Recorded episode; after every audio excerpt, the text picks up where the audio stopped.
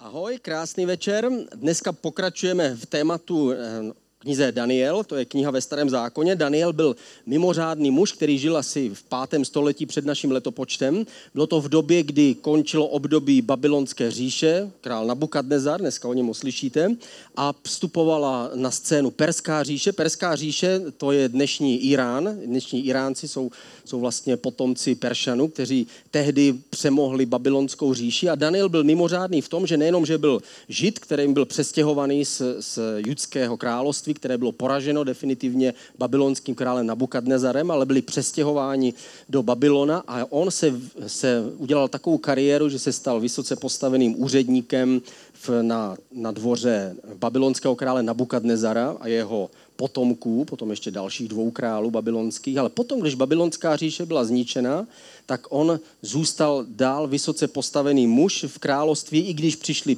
Mécko-Perská říše a přišli Peršané, tak oni zachovali Daniela na tom, na tom významném místě, protože uznávali, že byl moudrý, že byl vzdělaný a že byl, že byl správ, dobrým správcem. Takže Daniel byl mimořádný, ale nás zajímá nejenom jeho postavení, on nebyl kněz nebo nebyl, nebyl nějaký duchovní, byl normálně pracující, vysoce postavený úředník a správce v říši, ale mimo to byl zbožný člověk. To znamená, snažil se svůj život žít podle božích pravidel. A to nás zajímá, protože my žijeme v normálním světě, v normálním životě, nejsme z něho vytržení do kláštera, ale naopak žijeme uprostřed tohoto světa a potřebujeme vědět, jakým způsobem žít. Dnešní téma je, co můžu dělat, když nevidím cestu ven. To z čas od času se tam ocitneme, nežijeme tam pořád na tom místě, ale čas od času se ocitneme, když si říkáme, jak má tohle nějaké řešení vůbec a pak my potřebujeme Eh, potřebujeme se správným způsobem k tomu postavit. My víme, že když jsou těžké časy pro křesťana, tak má možnost eh, se opít, no ne, to ne, ale, ale je to taky alternativa, ale víme, že to nemá dlouhého trvání, jako pomůže to na chvilku, ale víme, že správný postup je ten, že se obrátíme k Bohu a svoji tíhu a svoje, svoje napětí my vydáme Bohu a začneme ho chválit, začneme mu dávat díky. Víme, že když tohle křesťan dělá upřímně ze svého srdce, tak potom nějakým zázračným způsobem Bůh začne působit v jeho životě. První verš, skutky apoštolů 17. kapitola, 25. verš. Ani si nedává lidskýma rukama sloužit, je to mluveno o Bohu, jako by něco potřeboval, protože sám všem dává život i dech a všechno. Takže Bůh dává všechno a jestliže já to nějakým způsobem vím a tuším, že Bůh dává všechno, tak potom On mi dá i východisko, i řešení. Bůh mi dá nějaké východisko. A Bibli jeden, máme proto, jeden z důvodů je ten, že Bibli máme proto, že tam vidíme mnoho příběhů, kdy to se stalo a přihodilo někomu jinému. My víme, že jsme teda ti, kteří máme Boha uctívat a chválit i v těžkostech, když je to napětí eh, a cítíme se jako na konci eh, ulice, tak stejně máme Bohu dávat díky a víme, že nějakým způsobem nás to přenese přes, to, přes, ten, přes tu slepou uličku. Že nás to přenese z toho místa stresu do místa radosti. Takže my, ho, my mu děkujeme, protože víme, že má všechno ve svých rukou, on nám dává sílu to všechno přežít. A když se bavíme o chvále, tak my, my křesťané jsme, jsme zvláštní v tom, že uctíváme Boha, a děláme u toho různé, různé pozice, různé polohy. My ho uctíváme různě. Někdo ho uctívá tak, že ani nevidíme, jestli spí nebo, nebo je vzhůru, ale my, kdo chodíme do těchto typů církve, jestli jste byli na nějaké velké konferenci, tak jste určitě viděli různé typy, jak, jak křesťané mohou chválit Boha. Já jsem slyšel nedávno o jednom způsobu, že ten, kdo chválí Boha takhle, tak to je poloha ptáček. Prostě stojí, chválí Boha říká I praise you, Lord. Ale jsou ještě jiné způsoby, třeba já často používám způsob, který mu se říká, takhle velkou rybu jsem chytil. Jo. Prostě takhle mi stojí. Nebo já jsem viděl jeden způsob a ten se jmenuje vyhodím dítě do vzduchu a pak ho zase chytím. Takhle někdo chválí Boha. Víme, že samozřejmě jde chválit Boha jiným způsobem. Třeba jeden způsob je, tohle je chválení Boha typ brankář, vykrývání prostě. Po, nebo jiný, jiný chválí takhle, to je, tomu se říká poloha Superman. Potom je ještě jedna poloha, někdo chválí takhle Boha. To je poloha vyvolej mě a zeptej se mě otázku. Jsou různé způsoby, jak můžeme Boha chválit. Někdo chválí Boha tímhle způsobem, a to víme, že tenhle člověk umývá okno a je to malý dům. Ale tenhle má velkou vilu. Takže jsou různé způsoby, jak můžeme k Bohu přicházet, ale to samozřejmě přeháním, ale když někdy jste nějaké křesťanské konferenci, tak si všimnete nejrůznějších způsobů, jak my jsme schopni chválit Boha. Ať je to tak nebo tak, podstatné je, že Bůh se dívá na naše srdce a vidí to. My se dnes podíváme na příběh, který v Danielovi je o Danielových třech přátelích. On měl tři přátele, kteří byli také vysoce postavení úředníci, stejně jako Daniel. Byli vznešení, byli ze šlechtických rodů, z judského království, když se dostali do Babylona a byli postaveni před těžkou otázku. Král Nabukadnezar postavil velkou sochu sebe samého a chtěl, aby ho lidé uctívali. Tím chtěl zavázat všechen, všechny lidi v jeho království na svoji osobu, aby posílil jednotu království a posílil svoji pozici. Ale tím samozřejmě narazil u těch, kteří to považovali za něco, co se příčilo jejich svědomí. Pojďme se podívat a poslechnout jejich příběh.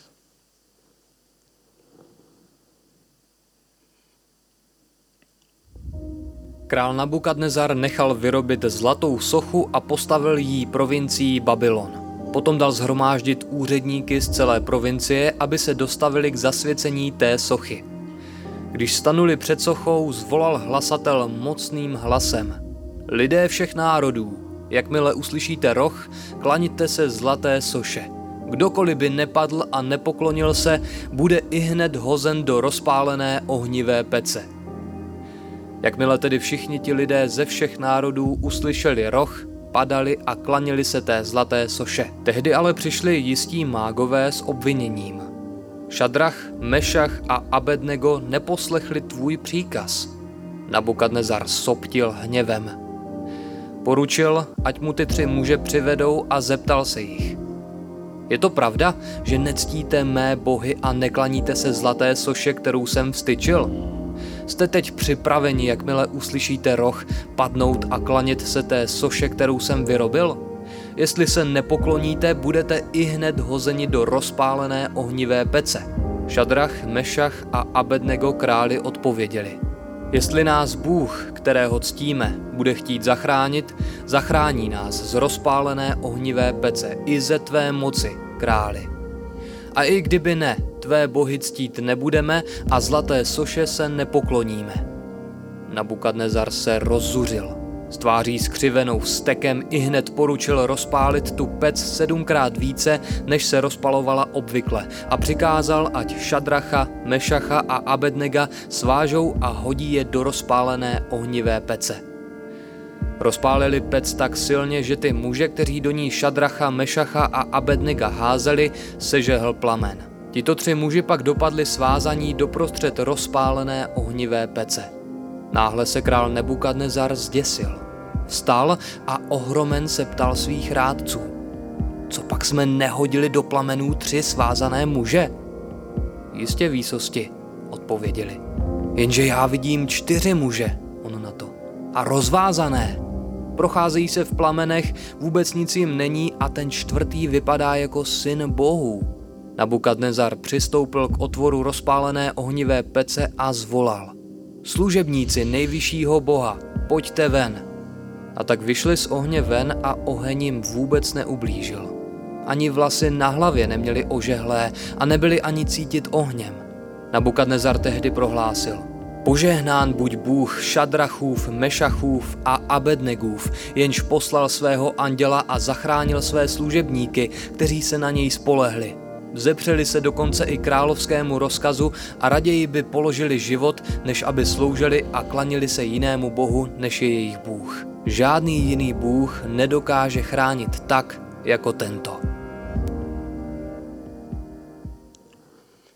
Tak to byl krásný text eh, z knihy Daniel a my tady vidíme tu babylonskou rovnici, kterou Nabukadnezar postavil před všechen lid. A ta rovnice byla jednoduchá, socha plus hudba, to znamená, když uslyšíte hudbu, rovná se život.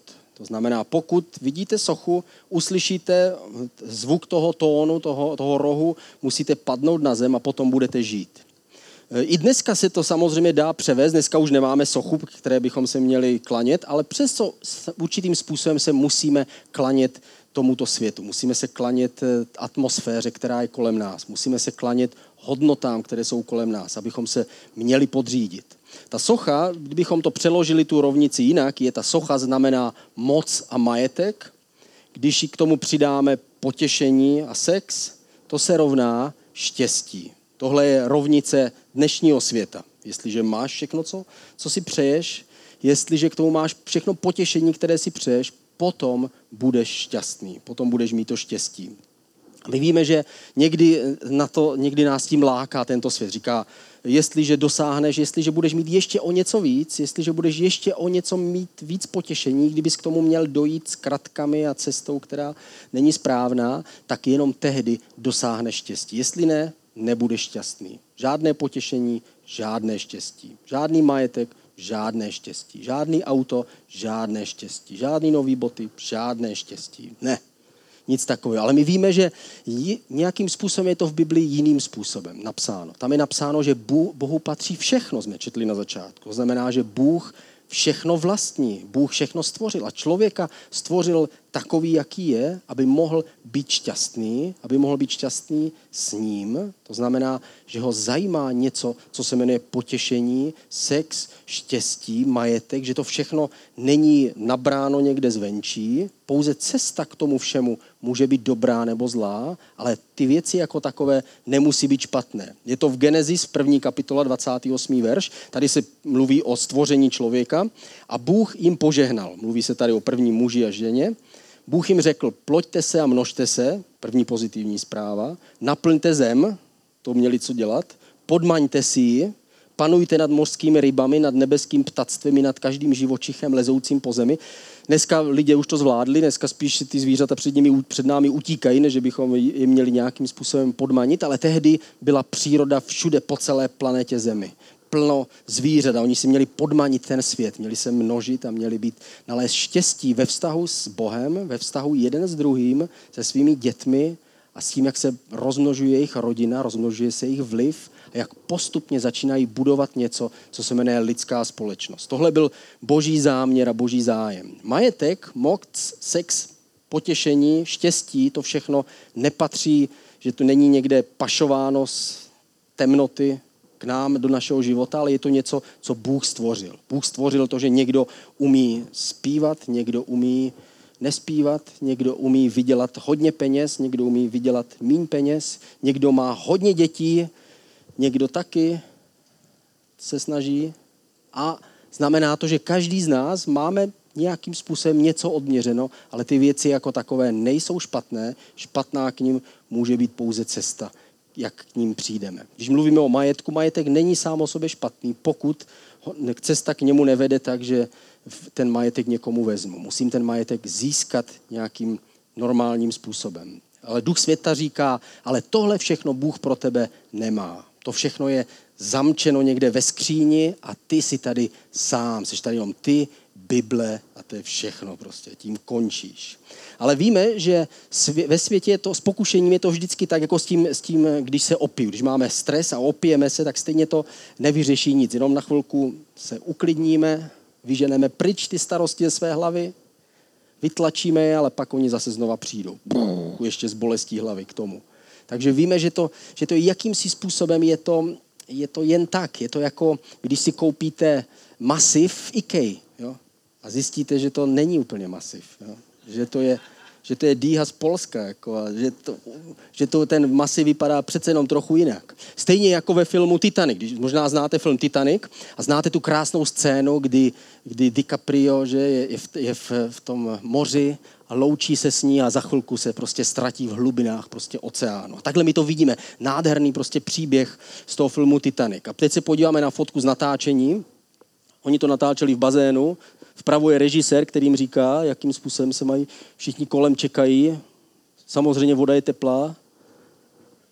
A všichni prostě jsou ve vodě. A my potom, když, to, když oni to začarují, tak my z toho vidíme, ua, to je nádherné, to je překrásné. Podobné je to s pokušením. Když nám, když nám duch tohoto světa ukazuje zkratku k něčemu, k sexu, k potěšení, nějakým jiným způsobem, který, jinou cestou, než bychom měli správně jít, tak vždycky nám ukazuje ten záběr z toho filmu Titanic. Wow, takhle to je zapadající slunce, silueta, chodící kytary, prostě, která přichází přímo k tobě. Jako. Ale, ale víme, že ta cesta může být prostě špatná. Pak, když to pokušením projdeme, tak zjistíme, že tam je pláč a zoufalství a bolest a zklamání. Když někoho podvedeme, tak to potom bolí o to víc. Když někoho sklameme, tak pak se vytratí ta krása toho okamžiku a nastává něco, s čím musíme jednat. Tři přátelé, o kterých jsme tady mluvili, odpověděli tehdy králi. Je to v Danielovi. Pojďme se na to podívat. Je to Daniel 3. kapitola 16. verš. Na to ti Nabukadnezare nepotřebujeme sami odpovídat, řekli králi Šadrach, Mešach a Abednego. Král jim řekl, musíte se poklonit, prý jste odmítli se poklonit mé soše. A oni mu řekli, my ti na to nemusíme ani odpovídat. Král řekl, díky moc, hoši, tak přesně proto jsem postavil tuhle sochu, abych tohle slyšel. Jako, aby tady někdo vyvolal vzpouru a teď si mě lidé nevážili. Oni řekli, hm? Nabukadnezare, ty jsi malý pán. Protože jednoho dne ty zemřeš a ztratí se z téhle země. Jednoho dne budou v Brně o tobě mluvit jenom jako o dávné postavě jakési říše, která už tehdy ani nebude existovat. Nabukadnezar říkal, Brno, co to je? Jo, tehdy třeba. Ale dneska to vidíme úplně z opačné strany. Dneska pro nás je Nabukadnezar pff, jenom zvláštní jméno z vtipu, které jsme někdy slyšeli. Ale jednoho dne jeho život byl pryč. Oni se na to dívali nejenom z úhlu té, té momentální chvíle, ale dívali se na to z úhlu celé věčnosti a toho, co je skutečně podstatné. Král se na základě toho samozřejmě rozlobil a nechali uvrhnout do té pece, ale oni se prostě odmítli sklonit té kultury. Oni řekli králi, takhle prostě my nejsme ochotní tímhle způsobem žít. Prostě my nejsme ochotní to akceptovat. My jsme se rozhodli, že budeme žít jinak. A jestli budeme tři, nebo nás bude tři tisíce, nebo nás bude třista tisíc, je nám jedno. My prostě nebudeme dělat kompromis ve svém životě. Protože jednoho dne zemře každý z nás sám. A každý z nás sám bude přinášet nějaký výsledek svého života před tím, kdo ho stvořil. Odmítli nabídku, eh, nabídku toho hlasu toho světa, nabídku hlasu toho syčícího hada, oni odmítli, na rozdíl od Adama s Evou. Adam s Evou, když jim bylo nabídnuto, co kdybyste jedli z toho stromu, který vám nepatří, tak Eva řekla, no, už jsem o tom dlouho přemýšlela. Kolem bylo stovky a tisíce stromů plných úžasných ovoce, úžasného ovoce. Ale tenhle jediný strom najednou začal zajímat Adama a Evu. A podlehli tomu pokušení. A když vzali, tak potom to pokušení se jim obrátilo v hořkost. Známe ty, ty lži, které, které slýcháme, ty ďáblovy lži. Eh, ty nám říká, nemůžu mít, co chci. To znamená, no já, když jsem věřící, tak prostě vždycky prostě nedostanu to, co chci. A co bys jako chtěl? Eh, no to sám nevím, ale mám takový pocit, že bych chtěl určitě něco jiného, než co bych měl mít. Nebo nemůžu mít žádnou zábavu. Já jako křesťan prostě je, jenom prostě černý oblečení, jo, nebo tak černý dneska, moderní, tak prostě nudný oblečení, eh, nudné věci, musím se dívat jenom na večerníček, pak jdu spát prostě a tak dále, žádná zábava. Další, další lež, která nás tím napadá. Všechno máme zakázané. Prostě křesťané mají všechno zakázané. Prostě nemůžou tančit, nemůžou zpívat, nemůžou nic, můžou akorát se modlit jo, a dávat peníze do církve. Všichni se baví, kromě mě. To je další pocit, který nás napadne. No, prostě všichni mají nějakou srandu. Jako, co myslíš jako tou srandou? No, prostě něco a já to nemám. Já bych to prostě taky chtěl. Ti přátelé pokračovali dál v Danielovi ve třetí kapitole 17. 18. verš a řekli králi, jestli nás Bůh, kterého ctíme, bude chtít zachránit, zachrání nás z rozpálené ohnivé pece i ze tvé moci králi. A i kdyby ne, vezmi na vědomí králi, že tvé bohy ctít nebudeme a zlaté soše, kterou si vstyčil, se nepokloníme. To znamená, oni řekli, my ti to teda vysvětlíme králi, dívej. Když prostě Bůh bude chtít, tak nás zachrání. Kdyby si nás tam na desetkrát hodil, i kdyby si sedmkrát rozpál víc tu pec, to je dobrý nápad, rozpalte to, rozpálte to víc. I kdyby si nás tam hodil svázané, svažte okamžitě, tak stejně, když Bůh bude chtít, tak nás zachrání. Ale pak řekli, a kdyby ne, tak aspoň budeme mít z krku už tady tyhle povinnosti a budeme nahoře. Žádná hypotéka, nic. Budeme pryč. Vypaříme se během sekundy a přijdeme do lepšího světa. Takže my králi zvítězíme v každém případě. I když nás tam hodíš, i když nás tam nehodíš, ale jedna věc, která je pro nás důležitější než to, je, že my se nepokloníme. Protože kdybychom se poklonili, tak bychom o něco přišli. Proč bychom se skláněli a hledali štěstí? My už ho máme. My, muž, my zvítězíme v každém případě, říkali ti tři. Jestliže se nepokloníme ničemu, co je proti Bohu, tak potom Bůh bude s námi, ať už z toho ohně budeme zázračně zachráněni, anebo tam zázračně se rozplyneme a, schoříme. V každém případě my zvítězíme, ať to bude tak nebo tak.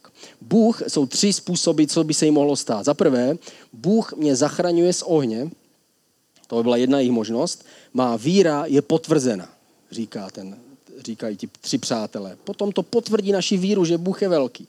Bůh mě zachrání skrze oheň. Potom to naši víru posílí, jestli to bude chvilku trvat a bude, bude z nás tady ještě napínat nějakou dobu, jako se nám to někdy děje v našem životě, kdy se dostaneme do těžkosti a říkáme si, tak kde je ten Bůh? Říkáme si, kdyby Bůh byl, tak by už přišel před pěti minutama. A Bůh čeká ještě dalších deset minut jako když Abraham měl mít dítě. A Bůh čekal ne 10 minut. Čekal jeden rok, dva roky, tři roky, čekal 40 let, než se to dítě narodilo. Ne, že by jako nosila Sára 40 let. To by 40 let neviděla nohy, že? A, ale Bůh mě zachrání ohněm, to je třetí možnost, má víra je dokonána. To znamená, a pokud, oni říkali, pokud, pokud je nám určeno, že tam máme zahynout v tom ohni, tak potom naše víra skončí. A potom už nebudeme muset věřit, ale budeme vidět tváří v tvář. My, když se podíváme na tu ohnivou pec, když se znova pustíme tady ty, ty plameny, dejme tomu, že jsme v ohnivé peci, takhle oni přistupovali blíž a blíž. Nabukadnezar nechal rozpálit sedmkrát víc tu pec, takže i ti, kteří je tam nesli, tak, tak padli a byli, byli spáleni tím žárem, ale oni sami tři spadli do té pece. A když tam sotva tam dopadli, už po cestě si říkali, to je nějak divný a prostě se cítím jako spíš v Mosilaně, když vypnou topení prostě, jo? jakože v pohoda padali dolů, dopadli dolů a mysleli si, že v tu chvíli by měli zmizet, zmizet jako pára a zůstali. Jediné, co jim začalo hořet, byly provazy na jejich rukou. Provazy padly, ale nedotklo se to ani jejich oblečení. Říkali si, tyjo, že na mě pustí dokonce i domů. Jako. Není cítit ani moje oblečení. Eh, oni zůstali stát a najednou uviděli nějakou osobu, která tam stála, stála celou dobu s nimi. Někdo stál v tom ohni a držel všechen žár, nechával přijít jen na sebe. Byl rozpálený a svítil až zářil a oni si říkali, kdo to je. Potom ho uviděl i Nabukadnezar je to jako když eh, tohle najednou se ukázalo, že ta víra byla pro ně tak důležitá. Neudělali kompromis a zažili největší zázrak svého života. Když neuděláme kompromis, Bůh pro nás vždycky má něco nového. Já, jsem, já teď prodávám, v, v mé práci prodávám dům a o ten dům je velký zájem. Mnoho lidí se mi ozvalo, já bych chtěl koupit ten dům, já bych chtěl koupit ten dům. A jeden člověk mi zavolal, eh, priateľ můj, zo Slovenska on volal. Priateľ môj, ja by som ti takto dal dajaké peniaze bokom. Čo hovoríš? A já jsem vlastně mohl vzít úplatek za to, abych upřednostil prostě jeho nabídku. Tisíce korun, ale my nepotřebujeme desetitisíce korun. My potřebujeme celoživotní ochranu Boha, který je nad námi. Potřebujeme jeho neustálou přízeň, potřebujeme jeho milost. Ne v tom, že nám někdo dá pár ušmudlaných peněz, abychom se sklonili a udělali kompromis ve věcech, které jsou pro nás důležité. Bůh je pro nás větší a jeho věrnost je větší. Takže když si podíváme na dvě moudra, nezáleží na tom, jak horká je pec, ale na tom, kdo je v ní s tebou. Nezáleží na tom, v jaké těžké situaci se ocitneš, záleží na tom, jestli v ní nejsi sám. A druhé moudro, pokud se za něco nepostavíš, tak tě všechno srazí. To znamená, to, co, jsme, to, co by vypadalo, že je jejich slabostí, že se rozhodli akceptovat ten boží příkaz, že se nepokloní jinému bohu, než je ten jediný věčný, tak bychom řekli, o, teď přijdou o život a to bude jejich hloupost. Ale jejich jejich eh, slabost se stala tou největší silou. Byli nakonec zachráněni z toho ohně. A nejenom to, Nabukadnezar dokonce uznal velikost, eh, velikost eh, Boha. Pojďme se tam podívat. Daniel, 3. kapitola, 24. 25. verš. Náhle se král Nabukadnezar zděsil. Vstal a ohromen se ptal svých hráců, co pak jsme nehodili do plamenu tři svázané muže? Jistě výsosti odpověděli. Jenže já vidím čtyři muže a na to rozvázané. Procházejí se v plamenech, vůbec nic jim není a ten čtvrtý vypadá jako Bůh, jako boží syn. Podívej, jak září. Není mu ani vidět obličej. Já, když se na něho dívám, tak vidím své vlastní hříchy. Nabukadnezar, potom to místo pokračuje dál, že Nabukadnezar řekl, pojďte ven, zavolal na ně, výjděte ven z ohně a řekl, už nikdy vás nebudu nutit, abyste padali před hloupou sochou, když s vámi je Bůh, který vás dokáže zachránit z plamené pece. Já sám ho chci vlastně uctívat a chválit. Napište do celé říše, ať všichni uctívají i tohle Boha. Ten Bůh, který dokázal zachránit tyhle tři lidi z tohle ohně. To znamená, co to pro nás znamená? Dva body. První bod. Postav se za to, čemu věříš. To znamená, musíme stát za tím a neudělat žádný kompromis. Jestliže tohle je moje zásada, tak pak ji budu držet. Pokud je to boží zásada, o to víc. Jestliže Bůh nám něco říká, já jsem si to vědomý, že nemám překročit tuhle hranici, taky nemůžu překročit. Musím stát pevně na těch základech. Například jako ve financích. Možná se slyšeli o Johnu Wesleym, to byl anglický kazatel, který řekl, vydělej, co můžeš, investuj nebo ušetři, co můžeš a dej, co můžeš. To znamená, dělej vše, co je ve tvých silách, v každé oblasti svého života a dělej to správným způsobem. To znamená, buď přirozený, nenech se, nenech se omezovat tím, někdo je bohatý, někdo je normální, někdo je mini normální, jednou máš hodně, někdo má málo, to není podstatné. Někdo, někdo, má, eh, někdo má hodně majetku, někdo má málo majetku, to není podstatné. Podstatné, abychom zůstávali přirození a abychom zůstávali v tom, v čem nás Bůh povolal a jací jsme. A druhý bod, chtěj boží požehnání. To znamená, očekávej, že Bůh ti pomůže. Naše moto je, jsme nadšení z života s Bohem a máme pozitivní přístup k životu. To znamená, my víme, že můžeme žít s Bohem a zároveň se můžeme radovat z mnoha věcí v našem životě. Můžeme cestovat po celém světě, můžeme si kupovat všechno, co neukradneme, můžeme žít se všemi ženami, které si vezmeme, můžeme vychovávat všechny děti, které máme, Můžeme jezdit všemi auty, které patří nám, nebo nám je někdo půjčí na operativní leasing. Prostě cokoliv je nám k dispozici, můžeme využít. Můžeme chodit na všechny možné taneční párty, ale zůstaneme věrní své ženě. Prostě můžeme dělat všechno to, co je, co je nám k dispozici, ale zachováme ty hranice a ty, ty principy, které ctíme a které máme. A můžeme se vysmát tomu, že někdo říká, že nemůžeme být šťastní. Můžeme být šťastní nejenom ze všech věcí, jako všichni ostatní, ale ještě navíc jsme šťastní, že naše svědomí je čisté, že Bůh je na naší straně a že Bůh je s námi. Bůh stvořil všechno kolem nás. Pojďme skončit tím veršem, kterým jsme začali. Skutky 17. kapitola, 25. verš. On říká, ani si nedává lidskýma rukama sloužit. To znamená, není nic, co bychom Bohu mohli dát i když mu zvedáme ruce takhle, takhle nebo takhle, nemůžeme mu tím nic přidat. On totiž nic nepotřebuje, jako by něco potřeboval, protože sám všem dává život i dech a všechno. On je ten, který zařídil, že tady máme dost kyslíku, dost vody, dost věcí k životu, abychom mohli žít abychom mohli svoje, svoje ruce a svoje srdce pozvednout k němu. My teď budeme sloužit, eh, mít večeři páně, tím skončíme. Eh, večeře páně vlastně připomenutí toho, co Ježíš udělal při poslední večeři, kdy vzal kalich a vzal chleba a řekl, chléb je moje tělo, které se za vás láme a kalich s vínem je moje krev, která se za vás, eh, za vás vytéká a bylo to na znamení nové smlouvy. Daniel žil v době Izraela, řekl, já vám pošlu spasitele, buďte věrní a dělejte věci, které jsem vám dal. Oni byli nevěrní, stejně jako my jsme nikdy nevěrní. A pak přišel Ježíš, který řekl, a teď je nová smlouva. Už nemusíte být součástí. Teď můžete přijmout Boha do svého života. Můžete se obnovit ve svém mysli, ve svém srdci a Bůh bude blízko vás. A ta nová smlouva je v mé krvi. A když přijmete moji oběť, potom přijmete nový život, který od Boha přichází. Pojďme se společně modlit. Ježíši, děkujeme ti za to, že my jsme v té nové smlouvě s tebou. Že ty jsi s námi, že není nic, co by nás oddělilo od tebe.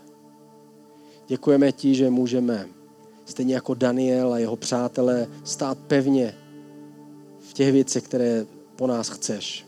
My chceme žít podle tvé vůle a smějeme se tomu, těm nabídkám, tomu, těm rychlým cestám k potěšení a, a k majetku. A my nechceme jít tou špatnou cestou, ale chceme jít tou tvou cestou.